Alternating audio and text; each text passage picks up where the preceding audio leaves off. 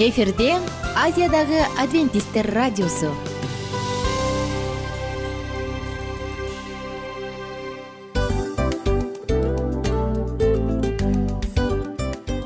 Достор салют. Баардык сүйүктүү угармандарыбызга салам айтабыз. Кутман күнүңүздөр менен.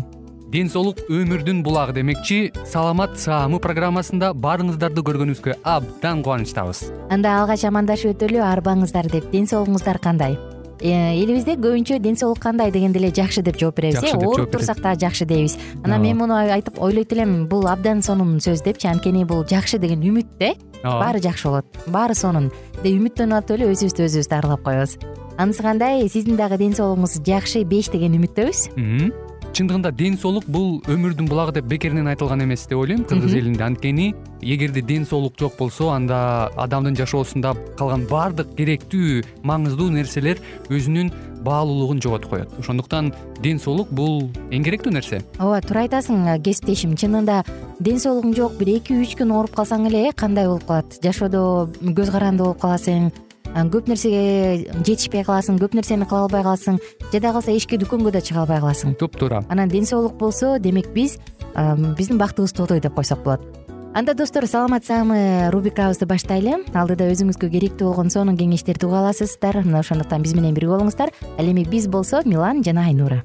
Кеттик алга. Алга саламат саама ден соолуктун жарчысы. Саламат саама ден соолуктун ачкычы. Күн сайын сиз үчүн мыкты кеңештер сонун жаңылыктар кызыктуу фактылар биздин рубрикада.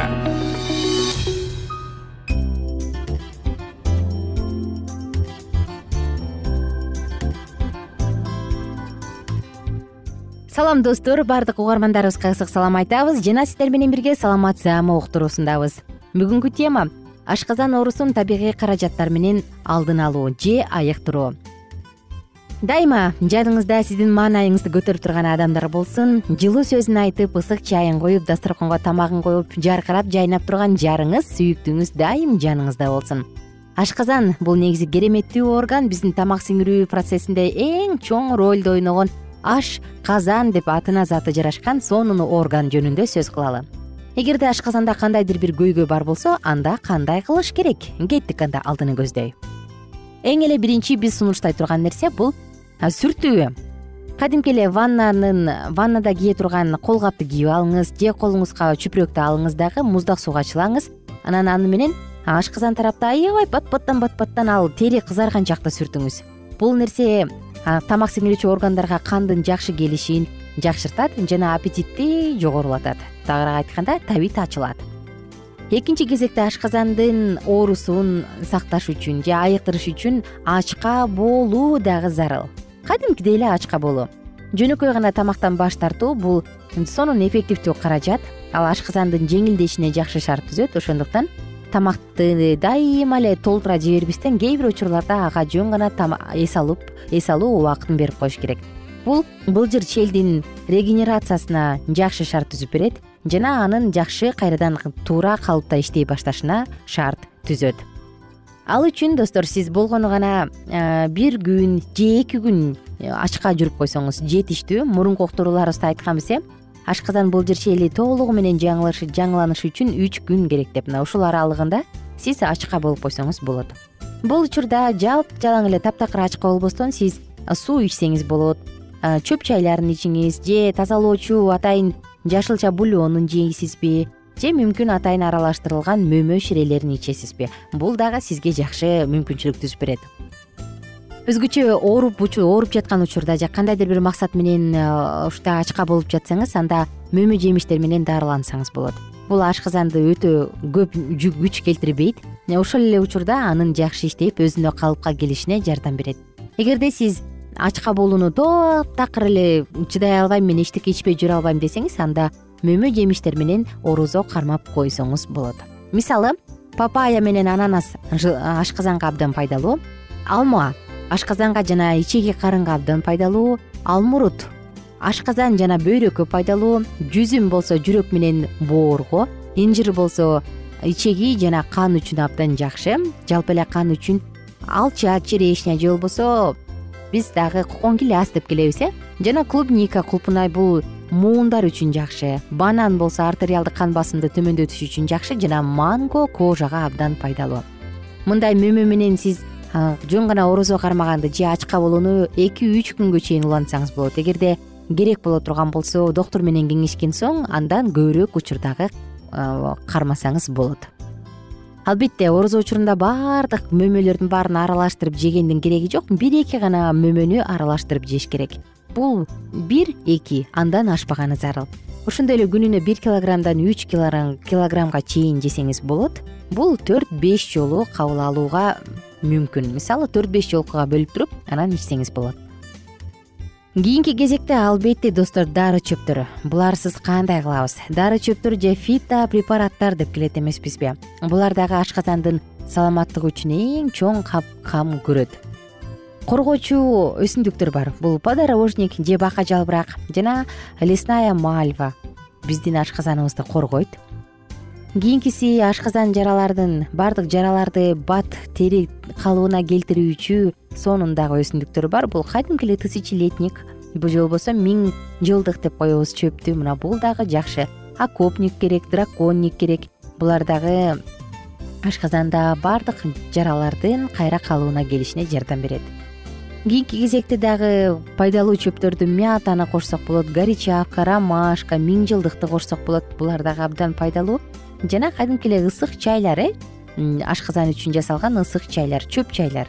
Аларды дагы сиз күнүнө жарым литр кайнатып алып туруп бир нече мүнөт коюп коесуз демдеп андан кийин күнүнө эки үч стакан ичсеңиз болот. Ал үчүн сиз анис староцветти колдонуңуз лакрица миң жылдыкты колдонсоңуз болот.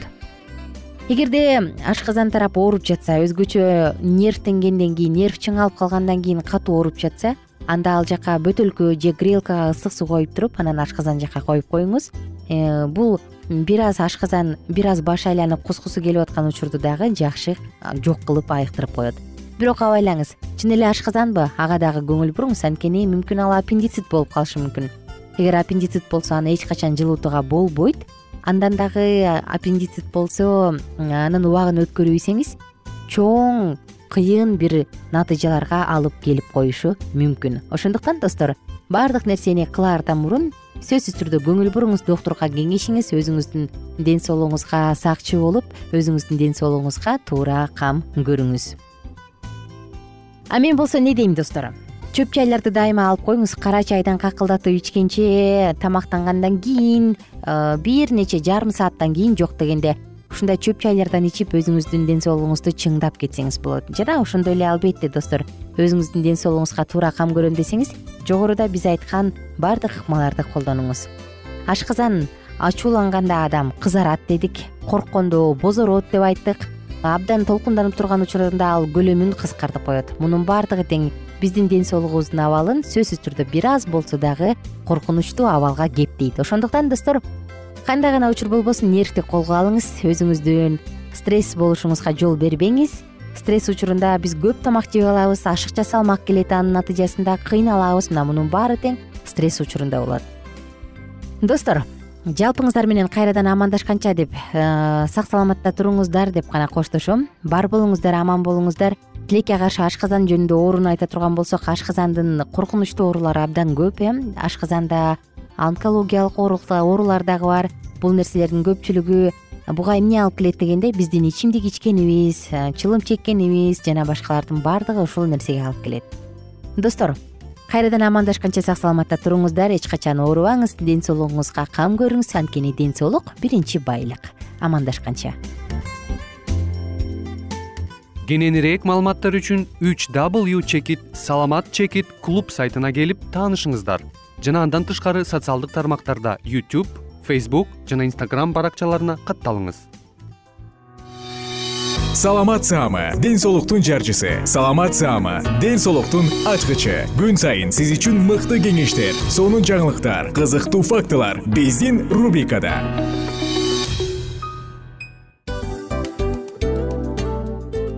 Салам достор. Кайрадан биздин сүйүктүү рубрикабызга кош келиңиздер деп айтмакчыбыз баардык замандаштарыбызга арбаңыздар деп саламыбызды айтабыз. Улуу ушундай бир урматтаган учурашуу менен анан дил маек радио баракчабызга чакырабыз. Негизи дил маек биздин рубрикабызда эмне жөнүндө кеп кылабыз? Бул дил маектин мааниси эмнеде? Рубрикабыз менен кичине тааныштырып кетсеңиз сөзсүз түрдө тааныштыра кетейин. Кесиптешим суранычы боюнча бул учурда бул радио баракчада биз ар тарап кесип ээлеринен сонун кеңештерди алабыз сүйлөшөбүз сырдашабыз. Аталарыбыздын эжелерибиздин апаларыбыздын кеңештерин угабыз айтор жан дүйнөгө адамдын э, сапатына адамдын деги эле адам болуп жашашына керектүү баардык кеңештер алдыда. Негизи э, дил маек дегенде баягы эки адамдын ортосундагы сырдашуу кенен сүйлөшүү негизи эле биз адамдар бири бирибиз менен бир жерге жай жерге отуруп алып өзүнчө тынч жашоо жөнүндө өмүрүбүздө эмне болуп атканын бөлүшкөнү жакшы көрөбүз э адамдар. Ооба туура айтасың анан э, мындай учурга кээде убакыт да жетпей келет э? Же болбосо сырыңды кайгыңды муңуңду кубанычыңды айткың келет адамга ишенбешиң мүмкүн. Ооба. А бул радио баракча угармандарыбыздын чыныгы досу. Анткени бизден алган кеңеш сиздин жашооңузга чоң жардам берет. Ал эми сиздин бизге айта турган сөзүңүз ортодо гана сыр бойдон калат ошондуктан биздин дил маек рубрикабызга дагы бир жолу кош келиңиздер. Жана биз даярдаган маалыматтарга даяр болуңуздар. Айнура жана милан сиздер менен бирге алдыга кеттик.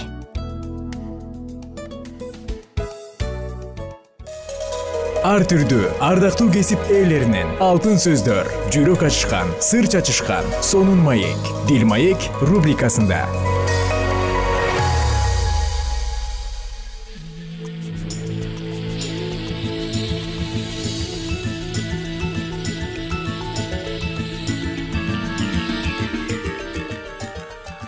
амансыздарбы кадырман радио угуучуларыбыз. Кайрадан эле биз сиздер менен бактылуу никенин баалуу эрежелери аттуу уктуруубузду улантабыз. Бүгүнкү программабыздын чыгарылышында биз э, үй бүлө жаатында жубайлардын жашоосунда жеке тиричилик маселесинде аялдардын көп сүйлөгөнү туурасында сөз кылат экенбиз.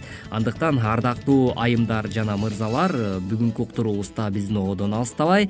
Биз менен биргеликте кала бериңиз деген тилек менен баардыгыңыздарды уктуруубузга чакырып өтмөкчүбүз. Э, микрофондо кайрадан эле кызматыңыздарда аты жөнүм мен улан кубанычбеков. Жана ошондой эле менин кесиптешим. Саламатсыңарбы. Жана мен асель мамбетова мисалы окумуштуулар мындай деп э, далилдеп э, медициналык жактан дагы тастыктап кетишкен экен. Андыктан э, урматтуу мырзалар жана айымдар кулак төшөп угуңуз деп сиздерди чакырабыз. Окумуштуулар мындай тыянакка келишиптир аялдар мисалы көп сүйлөгөндүктөн демек алар ички сезимине сыртка чыгарбастан катып жүрө беришсе алардын ден соолугуна тескерисинче зыян экендигин аныктап чыгышыптыр.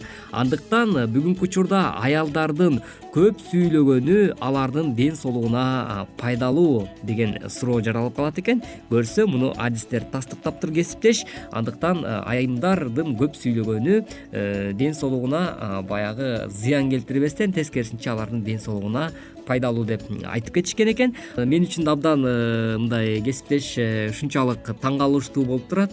Жаратканыбыз айымдарды ушундай кылып жаратканы дагы бул өзгөчө бир э, укмуш керемет десек дагы болот экен ооба аялдардын көпчүлүгү айрым учурда өзүнүн эмоцияларынын сыртка чыгарылбай ичке ката берет экен бул бир чети туура болсо экинчи тараптан туура эмес. Изилдөөдө үн катпай өзүнүн эмоциясы менен бөлүшпөй койгон аялдар физикалык жана эмоционалдык жактан бузулууларга дуушар болору белгилүү болуптур аялдар баарлашууда өздөрүнө эч качан тыюу салбаш керек экен мына урматтуу угармандарыбыз ушул нерселерди эске алуу менен биргеликте мен азыр өзгөчө ушул мырзаларга кайрылгым келип турат. Мисалы көбүнчө баягы мырзалар күндүз үйдө болбойт эмеспи кесиптеш. Э, баягы эртең менен эрте кетип кечинде кеч жумуштан э, кайтып келет. Албетте баягы жумуш иштегендиктен э, адам чарчагандыктан көбүнчө мырзалар мындай көп сүйлөгөндү дагы табиятынан жактыра бербейбиз. Андыктан ушул үйгө келгенде мисалы кээ бир айымдар жумушуң жөнүндө эмне болду же болбосо бир э, кандайдыр бир жаңылыктар жөнүндө э, бир кептерди сурап же өзүнүн бир ички э, эмоциясын сыртка чыгаргысы келип айымдар баягы сөз баштаганда эле эркек адамдар тамагын ичип алып эле анан дароо эле жатканга шашылышат да. Анан мен ушул мырзаларга кайрылып айтып кетким келип атат да. Демек сиз дагы өзүңүздүн жубайыңыздын ортоңуздарда гармониянын бекем болушун кааласаңыз анда аялыңызды дагы кичине болсо дагы мындай тыңдап ага көңүл буруп угуп койгонуңуз дагы абдан маанилүү экен да. Анткени ал эртеден кечке балдарды багып балдардан кийин сизге тамак даярдап э, түйшүк менен алек болгондуктан э, мүмкүн кээ бир айымдар мындай э, өзүнүн ички сезимдерин сырларын бөлүшкүсү келет. Анан кечинде келип жолдошу менен жолдошу менен бөлүшөйүн десе жолдошу ага көңүл бурбаса анан кандай болот? Сөзсүз түрдө ар кандай ооруларга дагы дуушар болуп калышы мүмкүн да. Сен кандай дейт элең туура чынында сүйүү бул э, өзүңдүн максатыңды көздөбөй башка бирөөнүн максатын көздөө деп атпайбы. Андыктан э, ушул күйөөлөр дагы э, ооба мен чарчадым мен жумуштан чарчап келдим сүйлөгүм келбейт дебестен чыдап аялынын болгон бир күндө жашап өткөн баласы балким биринчи жолу сүйлөдү балким биринчи кадамын жасады ошол нерсе менен бөлүшкүсү келип атат сиздин жубайыңыз. Андыктан сиз чыдап ушул нерсенин баарын угуп койсоңуз дагы бул э, сизге эле жакшы экен да анткени жубайыңыздын ден соолугу дагы чың болот экен урматтуу мырзалар эске аласыз жана сөзсүз түрдө жашооңузда колдоносуз деген үмүттөбүз. Ал эми э, биз болсо алдыны көздөй сапарыбызды уланта беребиз. Алдыда дагы ушул аялдардын ден соолугуна байланыштуу жогорудагы айтылып өткөндөй эле э, айымдардын көбүрөөк сүйлөгөнү бул ден соолукка пайдалуу жактары бар экен деп жогоруда биз айтып өтпөдүкпү андыктан демек ушул туурасында дагы адистер кандай кеңештерди айтышты болду экен? Бул туурасында дагы карап өтсөк питтсбургдагы университетинин биринде үч жүз төрт аялга изилдөө жүргүзүлгөн экен. Алардын ичинен көп сүйлөбөй ичине жутуп жүрө бергендер жүрөк жана артериялык ооруларга дуушар болгондугун аныкташкан экен. Демек аял киши үй бүлөдө жолдошу коомдо курбулары менен э, кырдаалга жараша өзүнүн эмоциялары менен бөлүшүп туруу өздөрүнүн ден соолугуна эле пайда экен мисалы окумуштуулар дагы бир изилдөөлөрдү жүргүзүшкөн экен. Ошол эле америка университетинде э, мисалы аял киши эркекке салыштырмалуу бир күндүн ичинде жыйырма беш миң сөз сүйлөйт экен. Демек бул бир күндүк убакыт дагы жетпейт болуш керек. Ошондуктан э, кулактын кужурун алып эле көйгөйлөрүн күтпөс болду го деп биз мындай аялдарыбызга ороою мамиле кыла турган болсок алар э, жыйырма беш миң сөздү сүйлөп бүтпөгөндүктөн э, адистер э, белгилеп жана кеңеш берип өткөндөй эле тактап айтканда жүрөк кан тамыр артериялык ооруларга дуушар болуп анын натыйжасында өлүм менен дагы коштолгон учурлар бар экен. Кеңешип кескен бармак оорубайт дегендей жубайыңыз менен сүйлөшкөнгө аны менен диалогко барганга аракеттенгениңиз дагы абдан маанилүү экен. Кээ бир учурда мүмкүн уккуңуз келбесе дагы бирок кандайдыр деңгээлде кандай бир э, маселе болуп калды үйдө бүгүн бөлүшүп берчи деп деле мындай жөн эле бир он мүнөт болобу беш мүнөттүк деле убакыт кээде биз э, мисалы азыркы учурда э, телефонго кирип алып деле интернет чукулап убактыбызды башка нерсеге коротуп атпайбызбы ошол эле айрым бир туура эмес терс жаңылыктарды көрүп деле убактыбызды коротуп коебуз. Ошон үчүн урматтуу мырзалар сиздер өзүңүздөрдүн жубайыңыздардын ден соолугу чың жана балдарыңыздардын дагы келечектеги э, жакшынакай наристелер бул жарык дүйнөгө ден соолугу чың наристе э, төрөлүп келишин кааласаңыз анда бул албетте сиздин жубайыңыздын ден соолугуна байланыштуу болот эмеспи ошон үчүн э, демек бул нерселерди дагы эске алып ойлоно жүрүүбүз дагы абдан маанилүү экен деп бүгүнкү уктурууда мен дагы ушундай бир өзүмө сабак ала алдым десем болот. Туура андыктан айымдардын ден соолугу анда мырзалардын колунда экен ардактуу мырзалар жана айымдар сиздердин никелик жашооңуздар түбөлүктүү боло берсин деген тилек менен бизге бөлүнгөн убакыт дагы өз соңуна келип жетти. Кайрадан эле биз сиздер менен бактылуу никенин баалуу эрежелери аттуу уктуруубуздан кезишкенче амандыкта туруңуз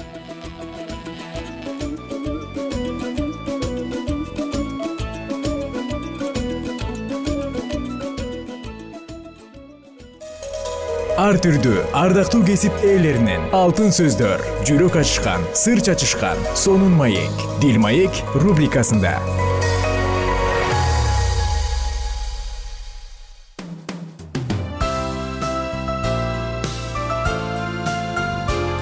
Эфирде азиядагы адвентисттер радиосу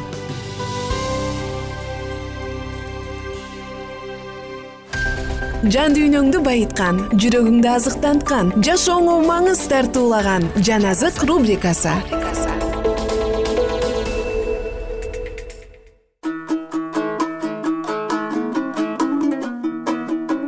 Саламатсыздарбы достор. Жалпы угармандарыбыз менен амандашып биз жаназык рубрикасын баштадык. Жана бүгүнкү уктурууда сиздер менен бирге сулайман пайгамбардын эң сонун асыл насаат сөздөрүн бирге тыңдайбыз. Биз менен бирге болуңуздар сулаймандын акыл сөздөрү. Отузунчу бөлүм. Жакеп уулу агурдун сөздөрү. Ал кишинин ити элге жана ухалга айткан адамды шыктандырган накыл сөздөрү мындай. Чындыгында эл ичинде мен эң акылсыз адаммын. Менде адамдык акыл жок. Мен акылмандыкты да үйрөнө алган жокмун.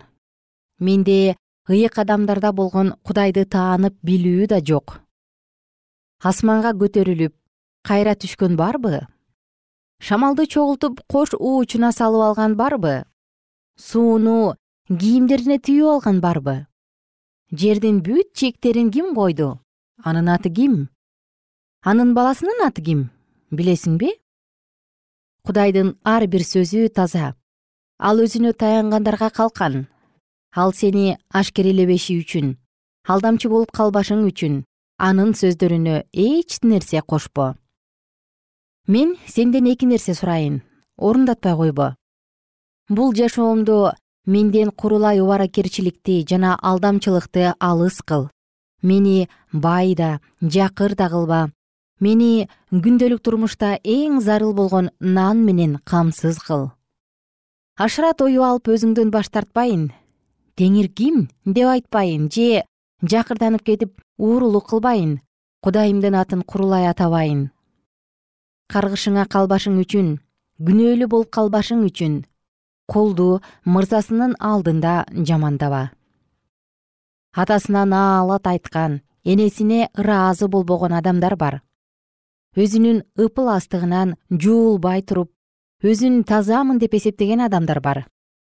Менменсинген боюн көтөргөн адамдар бар жер үстүндөгү жакырларды жана эл ичиндеги жарды жалчыларды жей турган тиштери кылыч жаактары шамшар болгон адамдар бар. Тойбостун келе келе деген эки кызы бар. Тойбогон үч нерсе бар. Жетет дебеген төрт нерсе бар. Булар өлгөндөр жаткан жай жана тукумсуз жатын сууга тойбогон жер жана жетишет дебеген от атасын мыскылдаган энесине баш ийбеген көздү чөл кузгундарына чукуп салат бүркүттүн барчындары жеп салат. Мен үчүн үч нерсе кол жеткис төрт нерсени түшүнбөйм.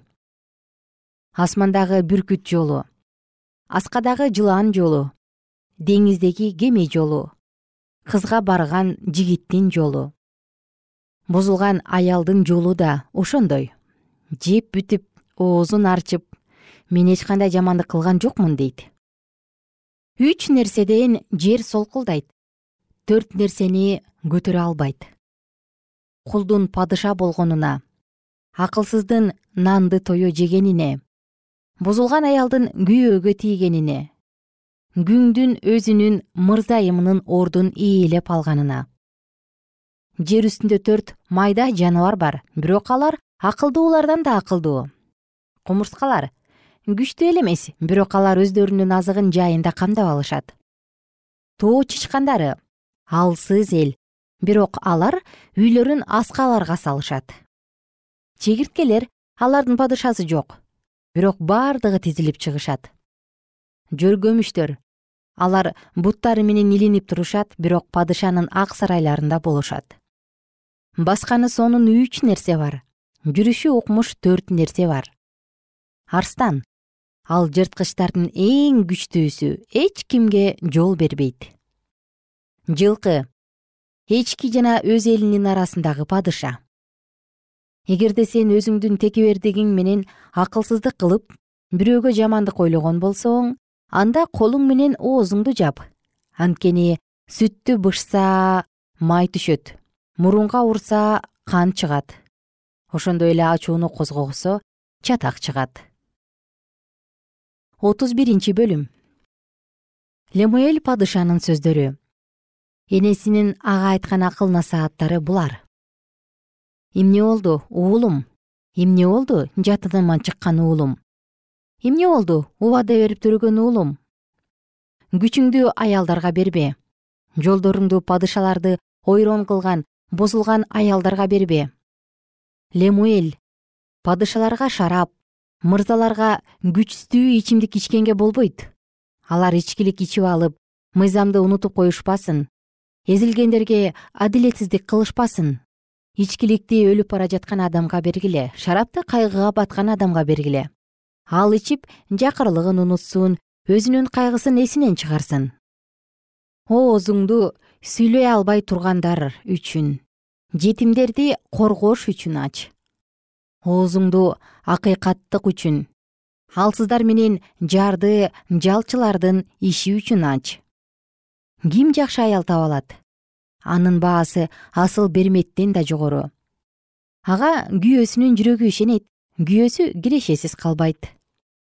Ал күйөөсүнө өмүрү өткөнчө жамандык менен эмес жакшылык менен гана кайтарат. Ал жүн зыгыр буласын өндүрөт өз колу менен чын жүрөктөн иштейт. Ал аял соодагерлердин кемелерине окшоп өзүнүн нанын алыстан табат. Ал таң ата электе туруп үйүндөгүлөргө тамак берип күндөрүнө белгиленген иштерди тапшырат. Жер алгысы келсе ага да ээ болот. Өз колунун жемиши менен жүзүмсар отургузат.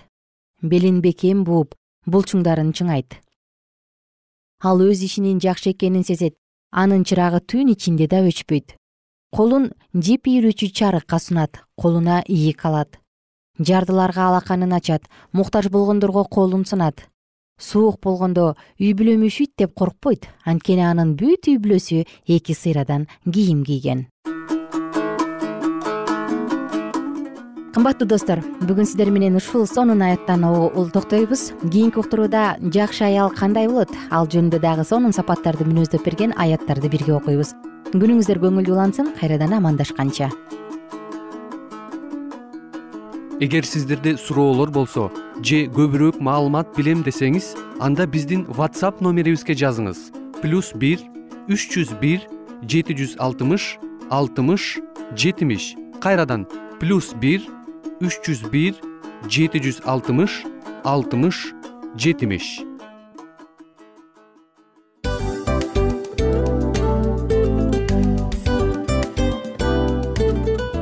ушул менен достор программабыздын уктуруубуздун эң кайгылуу мөөнөтүнө келип жеттик.